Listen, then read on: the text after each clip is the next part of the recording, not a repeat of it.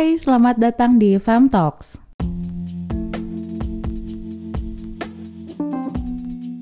Halo semuanya, teman-teman semua, gimana kabarnya?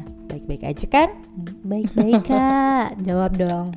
Sesuai judulnya nih, episode kali ini kita bakal ngobrolin soal gender role and equality, ya kan? Equality. Equality. Ngobrolin soal gender role dan equality ini, jadi keinget gak sih di bulan Juni lalu sempet rame banget, viral banget hashtag bekal untuk suami. Iya iya, gue tahu itu sempat ramai banget kan. Trennya juga banyak banget nih di Twitter. Kayak awalnya sih gue ngeliat eh, si thread ini tuh nggak ada niatan buruk ya. Kayak Hmm, benar. ya udah nih ide eh, dan referensi untuk masak aja gitu. Aha. Untuk eh, bekal-bekalan kayak gitu kan maksudnya kayak eh, apa sih yang wrapping wrapping gitu loh. Oh, Ya kan itu juga lagi rame kan. prepping. Heeh, prepping kok wrapping ya makanan kali ah iya prepping gitu kan tapi nggak lama nih gue kayak eh, lihat lagi nambah rame ketika banyak orang yang di fase ngomongin ih uwu banget Hmm, gitu seperti biasa lagi ya Eh, society kita kan dikit-dikit uwu gitu ya Mhm. ih aku mau deh jadi istri kayak gitu bisa masak untuk suami kayak gitu-gitu Mhm. sampai gue jadi kayak ngerasa risih sendiri karena baca komennya gitu padahal Hmm. niat awalnya si orang yang bikin thread itu tuh kayak oh ya udah dia cuman share ide memasak Mhm. udah stop Iya, gitu benar-benar.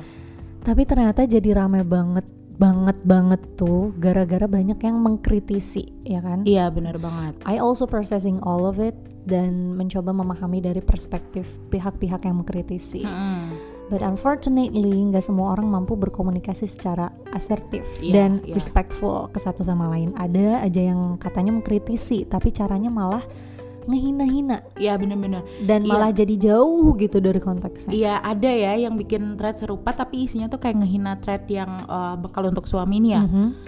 yang orangnya bilang kalau siapa pun yang bikin thread bekal untuk suami itu orangnya bodoh banget Ah, Karena- ya pernah. Iya, karena bay- bayangin aja lu udah effort begitu besarnya gitu untuk bekal macem-macem, eh tiga bulan ke depan diselingkuhin kayak, hey, jauhan banget. gitu. Iya benar. Makanya jadinya pada banyak yang keluar konteks. Iya. dan penghinaan-penghinaan itu tuh jadinya malah uh, nutupin kritikan lain yang memang bertujuan ngebuka diskusi. betul. Iya sih, gue juga menyayangkan ya sikap-sikap menghina kayak gitu. Lagian kayak gue mikirnya kalau si istrinya nggak merasa terbebani, emang hobi masak dan ya dia ikhlas gitulah melakukannya itu dan tanpa paksaan atas kesadaran pilihannya sendiri, ya nggak jadi masalah nggak sih? Hmm, true, bener bener bener gue juga setuju kalau kebebasan dalam memilih itu penting banget. Tapi Mm-mm. selain itu, karena berbagai macam kritikan terlihatnya nyatu gitu antara Mm-mm. yang hina dan yang mencoba mengkritisi untuk membuka diskusi. Nah, pemahaman orang yang mencoba mengkritisi dengan baik tuh malah jadi diejek juga dan jadi Iya, bulan-bulanan benar, netizen. benar, benar. Nah di situ sebenarnya ada missing point yang nggak Mm-mm. dilihat sama orang-orang yaitu kita sebenarnya nggak tahu motivasi si istri ngelakuin itu entah karena benar-benar atas dasar kebebasan dia dalam memilih dan benar-benar karena cinta dan kasih sayang atau karena dia merasa ngelakuin itu tuh adalah suatu kewajiban. Nah itu Nah, itu itu sih yang jadi masalah dan kalau nih ngera- karena ngerasa itu adalah suatu kewajiban, lalu Mhm. orang-orang malah meromantisasi itu gitu. Jadi jadinya ya secara nggak langsung ikut mengamini bahwa perempuan layaknya melayani laki-laki nggak sih? ah iya. Yang tadinya mau ngebuka diskusi soal budaya patriarki nih malah jadi saling ngejek-ngejek gitu. Dan yang paling bikin bingung ya yang kayak ejek-ejekan yang kejauhan itu tadi. Bener-bener ada lah yang langsung bilang 20 tahun lagi anak-anak nggak akan ada yang kangen masakan ibu karena ibu masak dianggap korban patriarki gitu kayak kejauhan malih gitu iya bener kan kayak ibu masak buat anak itu adalah suatu kebutuhan survival si anak gak sih? Iya bener ada atau enggaknya patriarki, Mm-mm. ibu emang udah seharusnya menyediakan makanan untuk anak, Tuh. baik dalam bentuk dimasak atau enggak. Nah, contoh paling universal aja hewan betina juga melakukan itu ke anak-anaknya. Kucing aja nih, gue punya kucing banyak. Ibunya udah naluriah nyari makanan buat Iya. anak-anaknya. Dan itu sesuatu yang ya udah alamiah dan emang udah harusnya Iya. kayak begitu ya kan. Nah, yang jadi masalah yaitu tadi Mm-mm. anggapan kalau memasak untuk suami adalah kewajiban kewajiban. dan itu bagian dari kodratnya perempuan dalam tanda kutip untuk melayani suami dalam tanda kutip. Iya. Nah, sebenarnya nih ya ini yang uh, diprotes gitu. Akar masalahnya adalah soal pembagian peran berdasarkan gender nggak sih? Iya, benar. Stereotip peran gender yang harusnya kita obrolin gitu. Kenapa sih perempuan aja gitu yang kudu ngerjain pekerjaan domestik kayak nyapu, ngepel, nyuci, benar. masak gitu. Bahkan kenapa sih cuma istri doang yang kudu ngurus anak 24 jam? Nah, dan itu jadi pertanyaan besar buat gue Iya. kayak kenapa semua itu tuh kudu jadi kewajiban istri gitu Iya. kenapa cuma istri doang yang kudu melayani suami Nah, doktrin melayani suami adalah kewajiban istri juga Hmm. hasil dari budaya patriarki yang udah beribu-ribu tahun bertahan. Dan ngubah ini ya sesulit itu, bahkan ngebuka diskusi Iya. untuk kita mulai aware soal ini aja tuh udah sulit, apalagi ngubah, ya kan? Iya. Gila sulit banget ternyata bikin orang-orang biar melek, Iya. malah jadi saling apalagi dengan eh, apa maksudnya dengan kualitas bukan kualitas sih ya orang-orang Indonesia kan susah baca ya gitu. Ah, iya jadi kayak belum Susah dibaca, gitu kayak udah suzon apa segala macam. makanya nggak heran sih masih ada aja kayak perempuan-perempuan yang di uh, kecilkan gitu ya mimpinya cita-citanya dikekang oleh konsep kodrat itu gitu Bener. pasti suka denger kan kayak ngapain lo sekolah tinggi-tinggi nanti ujung-ujungnya juga ke dapur Hmm.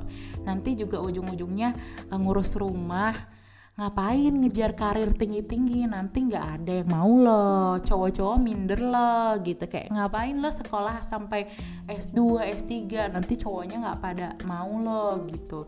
Cowok tuh takut tahu kalau misalnya sama perempuan yang jabatannya tinggi kayak gitu-gitu. Iya bener. Jadi keingetan ini kalau ada yang pernah nonton film Kim Ji Young Born ya gue tahu 1982, nah pasti tahu kalau tagline-nya itu Tahukah kamu cita-cita yang dikorbankan ibumu karena ngurusin rumah Hmm. dan membesarkan kamu? ya, ya, Siapa ya, ya. tahu dulu ibu kamu tuh pengen jadi peneliti biota laut, mungkin peneliti ubur-ubur mungkin, tapi Mm-mm. kandas gara-gara hari berganti demikian cepat dan di dalam rumah tuh sangat sibuk ngerjain ini itu sendirian. Mm, dan i- Sedih ini banget sih. oh, film ini banyak banget sih yang rekomendasiin Iya, jujur gue udah kayak pernah nonton? Eh, belum sampai Nonton sekarang. sih. Cuman gue gue tahu ini berangkat berawal dari novel kan dia. Iya, Terus iya. juga jadi film kan. Udah. Edan sih, Iya. menyakitkan. Iya banyak yang Dan kayak coba deh lo nonton ini gitu. Mhm. Nah lebih jauh lagi nih ya efek dari stereotip pembagian peran gender ini tuh berpengaruh ke diskriminasi pengupahan dan perlindungan buruh domestik. Ini juga eh, jadi hal lain yang dicoba dikritisi oleh feminis tapi kemudian jadi missing point juga nih. Jadi di ledek-ledek juga Mm-mm. karena pekerjaan ke rumah tanggaan kayak masak, Mm-mm. nyuci, nyetrika, mengasuh anak dalam norma tradisionalnya tuh dianggap sebagai pekerjaan alamiah perempuan. Mm-mm. Kayak seolah-olah dari lahir beban reproduktif itu tuh udah melekat di diri perempuan. Jadi nggak dinilai sebagai skill, Heeh. diwajarkan, disebut membantu karena ya dianggap sudah kodratnya, sudah kewajibannya perempuan. Nah, akibatnya tuh kayak pekerja rumah tangga masih dikategorikan sebagai pekerjaan informal. Benar. Konsekuensinya PRT nggak punya jam kerja yang jelas ya Ya. kan? Kayak lo bisa 24 jam tuh kerja gitu. Hmm, PRT juga bisa ngerjain semua pekerjaan rumah, bahkan ngurus anak juragannya kan. Iya. Kalau juragannya capek atau nggak enak badan, misalkan minta pijat, ya kalau misalnya udah minta pijet ya pasti harus dipijetin dong, walaupun kayak udah malam banget gitu kan. Benar-benar. Kalau ada Banyak. kerjaan yang belum beres, banyak yang bawa kayak cucian atau setrikaan ke rumahnya, ada biaya listrik, biaya air, biaya rumah yang dijadiin tempat kerja, jadinya tuh nggak kehitung gitu loh. Iya. Lembur pun ya nggak kehitung gitu. Bener dan gajinya ya tetap Iya kan? rata-rata gaji PRT aja tuh di kisaran 20 sampai 30% di Mm-mm. bawah UMR ya kan. Kalau di kota-kota besar ya paling 300 sampai 800-an lah sebulannya.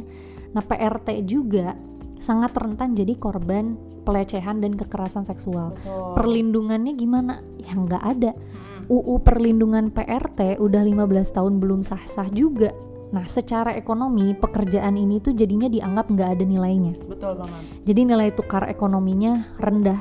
Kalau ada yang bilang, ah bibi yang bantu di rumah bahagia-bahagia aja kok, udah berpuluh-puluh tahun di rumah. Iya, emang romantisasi pembantu rumah tangga PRT itu terlihat kayak um, indah gitu padahal sebenarnya sesedih itu nah yang Iya. perlu kita ingat adalah selama ini kesejahteraannya kita jamin nggak kalau Nah, yang pada punya sih. PRT dikasih asuransi kesehatan nggak Nah itu, itu. bahkan tuh kayak sekarang-sekarang ya banyak banget nih kayak dia mengerjakan pekerjaan rumah gitu ya. Apalagi lagi musimnya covid kayak gini. Yang apa ya kayak juragan juragan kayak Hmm. Majikan. majikannya tuh lebih lebih ya udah mentingin kesehatan keluarganya aja gitu. Tapi Ah, pembantunya nggak benar-benar. nggak difikirin gitu. padahal pembantu Padahal pembantu lebih riskan gak sih? lebih gitu. riskan karena ngebersihin semua Iya. tempat di Tapi- rumah gitu jujur ini bener-bener uh, kealamin sih maksudnya gue ngedengar cerita atasan gue gitu kan kayak Mhm. salah satu atasan gue tidak menghargai uh, PRT gitu dan bukan tidak menghargai sih maksudnya tidak memerhatikan dan tidak memanusiakan gitu. Karena Mhm. lagi covid kayak gini tuh yang harusnya diperhatiin tuh adalah si PRT-nya itu nggak sih? Kayak dia Iya. kan ke pasar ke mana-mana. Tapi tuh sama sekali nggak dikasih minimal masker lah. Ini enggak coy. Sumpah? Iya. Wow aku speechless iya kan kasihan Terus tanya juga kita kasih pembatasan jam kerja nggak? Nah. itu yang perlu diromantisasi bukan kayak bekerja puluhan tahun. Apakah kerja 24 jam siang dan Hmm. malam ngerjain kerjaan rumah atau ngurusin anak-anaknya majikan? Yang harus diromantisasi itu ya kesejahteraan PRT-nya juga. Iya benar-benar. Makanya kalau nggak pakai jasa PRT, idealnya tuh pekerja rumah tangga dilakukan gotong royong oleh uh, anggota keluarga nggak sih kayak Ya, misalkan benar. anaknya bantuin juga nyapu, misalkan anaknya atau apa gitu, suaminya apa, istrinya apa kayak gitu-gitu dibagi tugas. Tapi kalau belum ideal, misalnya ini punya istri yang ikhlas nih ya, ngabdi sama suaminya forever forever till jannah gitu kan. Wow. Gimana nih gitu. Semua istrinya yang ngerjain Heeh, gitu ya. Semua istrinya yang ngerjain, ya nggak apa-apa gitu kan bebas untuk memilih sebenarnya. Iya benar. Dan baiknya ya tanpa embel-embel kewajiban melayani suami gitu. Itu benar. Nah kemudian juga suami harus ngasih penghormatan serta perlindungan. Apakah Benar, benar. istrinya di rumah ngerjain semua sendirian 24 jam. Terus istrinya istirahatnya cukup nggak gitu. Apa para suami juga masih mikir nih kalau bekerja mencari nafkah itu udah cukup untuk memenuhi perannya sebagai suami dan ayah untuk anaknya gitu kan. Hmm, tuh. Udah bantu apa aja ngasuh anaknya gitu. Pernah nanya nggak ke istri gimana harinya di rumah? Pernah nanya nggak istri apa yang dibutuhin uh, untuk kehidupannya si istri itu gitu. kayak Punya me time Hmm, nggak? ditawarin gitu. untuk me time nggak gitu ya. Kalau kata Mbak Kalis Mardiasi, ukuran-ukuran material juga harus bersifat kesalingan. Mm. Kayak istri di rumah juga harus disupport secara Betul. fisik, mental, politik, sosial, dan ekonomi. Penghormatan dan perlindungan itu juga love language yang nggak abstrak. Dan hati-hati sama istilah memuliakan perempuan kalau kata Mbak Kalis. Mm. Kemuliaan perempuan itu tercapai kalau ada kesetaraan, kalau ada penghormatan kepada pikiran dan haknya, juga kalau ada perlindungan kepada martabat kemanusiaannya. Itu Mm. baru namanya dimuliakan. Mm-mm. Nah, ngobrolin kesetaraan pun ini masih banyak yang double standar gitu. Mengutip penjelasan dari Ed Perempuan Peduli, banyak orang-orang yang eh, masih bilang katanya menuntut setara, tapi malah minta gerbong khusus untuk perempuan gitu. Hmm. Minta kuota 30% di parlemen untuk perempuan. Katanya nuntut setara, tapi masih minta tempat duduk di transportasi umum. Kalau setara ya ikut berdiri juga dong kayak laki-laki gitu. Yang perlu dipahami adalah kondisi perempuan itu beda dengan laki-laki. Perempuan mengalami menstruasi, kehamilan, menyusui, beban berlapis di rumah tangga atau di publik gitu. Marginalisasi, subordinasi, terus stigma, pelecehan dan kekerasan itu tuh dialami oleh perempuan. Iya, beda gitu. sama yang laki-laki gitu ya. Mm-mm. Maksud setara di sini tuh yang diperjuangkan tuh adalah perempuan perlu didorong untuk ngedapetin outcome yang sama. betul. Apa itu outcome yang sama? Outcome yang sama itu kita sama-sama ada akses ke pendidikan, ekonomi, politik dan sebagainya, kontrol dalam pengambilan keputusan, ruang untuk berpartisipasi di Mm. publik, rasa aman dan nyaman terlepas dari kekerasan dan sebagainya. Nah, kenapa ada gerbong khusus untuk perempuan, ada kuota 30% di Mm. parlemen untuk perempuan? Itu namanya afirmasi. Betul. Di kendaraan umum nih, perempuan rentan mengalami pelecehan dan setiap orang tuh berhak untuk mendapatkan rasa aman gak sih? Betul. Kenapa harus dikasih duduk? Kayaknya kalau pengguna KRL ya pasti udah tahu sih ada kelompok prioritas yang harus diberi duduk nggak hanya perempuan tapi kayak nggak per- nggak hanya perempuan hamil tapi lansia difabel dan lain-lain gitu kalaupun misal mau mau ngasih tempat duduk nih ke perempuan kayak ya udah itu when a man be a gentle Mm-mm, man gitu betul. kan tapi eh, tapi ini suka ada nih eh, kita kan anak KRL Mm-mm. banget ya. Kalau misalkan di KRL suka ada tuh kayak perempuan kayak dia tuh bukan prioritas Iya. dan masih muda tapi kayak ngotot banget untuk minta duduk, duduk gitu. Padahal kelihatannya nggak sakit nggak apa gitu. Iya. Terus yang gue pernah nih eh, sampai ada perempuannya yang marah gitu ke laki-laki dikasih tempat yang- duduk gitu ya? Lu pernah gak sih ngalamin kayak gitu di KRL Kalau gue sih belum pernah ngalamin kayak gitu, cuman ada kebalikan kayak misalkan nih, eh gue kayak pernah ada di posisi dia bapak-bapak yang gue lihat kayak wah kasihan nih capek ya, udah gue kasih tempat duduk ah gitu. iya iya, itu bagus dong karena kan eh, lansia juga Mm-mm. prioritas juga gak sih? Balik lagi nih kita ngobrolin afirmasi untuk perempuan di parlemen juga perlu. Karena perempuan dibebani berbagai hal untuk maju ke ranah publik dan kondisinya nggak sama kayak laki-laki. Perempuan mengalami proses reproduksi kehamilan dan melahirkan. Lalu tugas rumah tangga lain yang dibebankan. Untuk keluar rumah aja effortnya udah luar biasa sulit dibanding laki-laki. Betul. garis startnya aja udah beda. Makanya perlu afirmasi Jadi setara yang dimaksud lebih substantif dan mengarah ke outcome gitu. Perempuan tuh kayak punya hak untuk mengakses pendidikan yang tadi udah disebutin kan, terlibat dalam pengambilan keputusan, berkarir dan mencapai posisi yang strategis gitu, terlepas dari pelecehan dan kekerasan. benar Gak ada istilah bermaksud menginjak laki-laki. Justru kita sepakat bahwa setiap orang itu berhak untuk menjadi sosok yang bermartabat. Gitu benar benar menjalani keseharian yang penuh kasih sayang, saling membantu, saling mendukung, dan saling menghargai. equality is not always about treating everyone the same I think it is about treating people in such a way that the outcome for each other, each person can be the same. Equality of outcome can be achieved by making sure that everyone is supported to have access to resources, decision making, and to be recognized, valued, and respected. Terlepas dari gendernya, apa pun itu, semua harus punya equality. Ya, betul. Gak ada yang namanya istri melayani suami ya. Yang Benar. ada Benar. dan suami harus sama-sama saling melayani satu sama lain gak sih? It takes two to tango. Iya, istri dan suami punya tanggung jawab yang sama dalam pekerjaan rumah tangga dan mengasuh anak pastinya. Dan mengasuh anak ya, hey. Iya, tolong digarisbawahi bahwa mengasuh anak itu bukan hanya PR perempuan, Betul. Bahkan ketika ada perempuan yang memilih tetap berkarir nih sambil mengurus anak, rasanya tuh kalau suami support dan melihat istrinya sebagai partner yang setara gitu, harusnya sih nggak usah keberatan ya. Kayak bahkan ngambek-ngambek gitu ngerasa egonya sebagai sang pencari nafkah gitu, nggak harus kayak gitu Hmm. karena nggak nggak harus tersinggung ya iya jujur gue lebih lebih seneng aja gitu ketika ngelihat ada perempuan yang dia bisa membagi waktu antara dia Hmm, harus ngasuh Benar, anak. karena itu sulit banget ya. Sulit banget coy. Sulit banget. Bayangin Gua- aja kalau nggak kerja gitu Uh-uh. dan full jadi ibu rumah tangga itu aja udah sulit sumpah gue pengen banget. apresiasi nih ya untuk ibu-ibu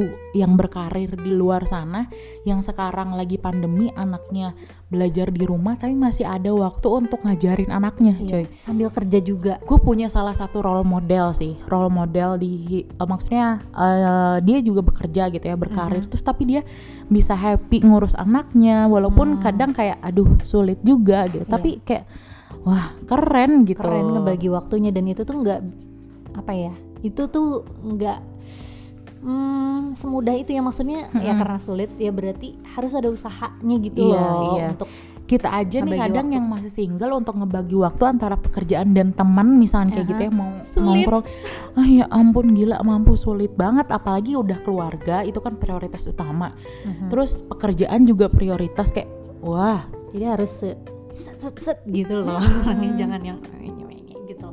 Tentu kalau kayak gitu kan akan ada pembagian Hmm. tugas yang perlu dimodif untuk menyesuaikan dengan keadaan. Kalau misalkan ya istrinya kerja juga dan kuncinya itu cuma satu Betul. saling komunikasi. Iya iya iya setuju sih. Nggak nggak ada yang lebih romantis dari pasangan yang berkomunikasi dengan saling terbuka jelas dan asertif ke satu sama lain. Betul. Berdialog soal keinginan masing-masing apa yang perlu disupport sama satu sama betul lain betul betul betul. dan cari solusi terbaik yang bisa disepakati bersama. Anything what works for you both and your little family. Jujur itu itu menurut gue adalah sesuatu yang romantis yang selama ini gue idam-idamkan Iya, ketika gue bersuami nanti ketika punya komunikasi Iya. yang wow karena menurut gue gitu, ya memang benar kuncinya adalah komunikasi gitu Selalu. lo mau sesusah apa pun hidup kalau lo coba untuk berkomunikasi tuh pasti ada aja jalan Iya. keluar gitu kalau udah komunikasinya bagus Mm-mm. udah bisa tuh survive ya kan jadi ya mohon maaf gitu ya kayak masak tuh bukan kewajiban perempuan Betul. bisa masak tuh bagian dari kebutuhan semua manusia gitu untuk bertahan hidup ya kan jadi kalau yang nggak bisa masak mie instan tolong dibaca kemasannya di Iya. belakang ada Iya, jujur gue nggak paham kenapa bisa kayak nggak gitu bisa gitu, ya kayak anda punya handphone tinggal searching di Google. Google. cara memasak mie instan oh my god oke lanjut dan adanya pernyataan kritis juga bagus sebenarnya untuk menciptakan ruang diskusi supaya kita paham konsep uh, gender role yang nggak saklek gitu seperti budaya tradisional yang uh, yang selama ini dipegang biar Benar. semua paham kalau perempuan nggak harus terjebak dalam ranah domestik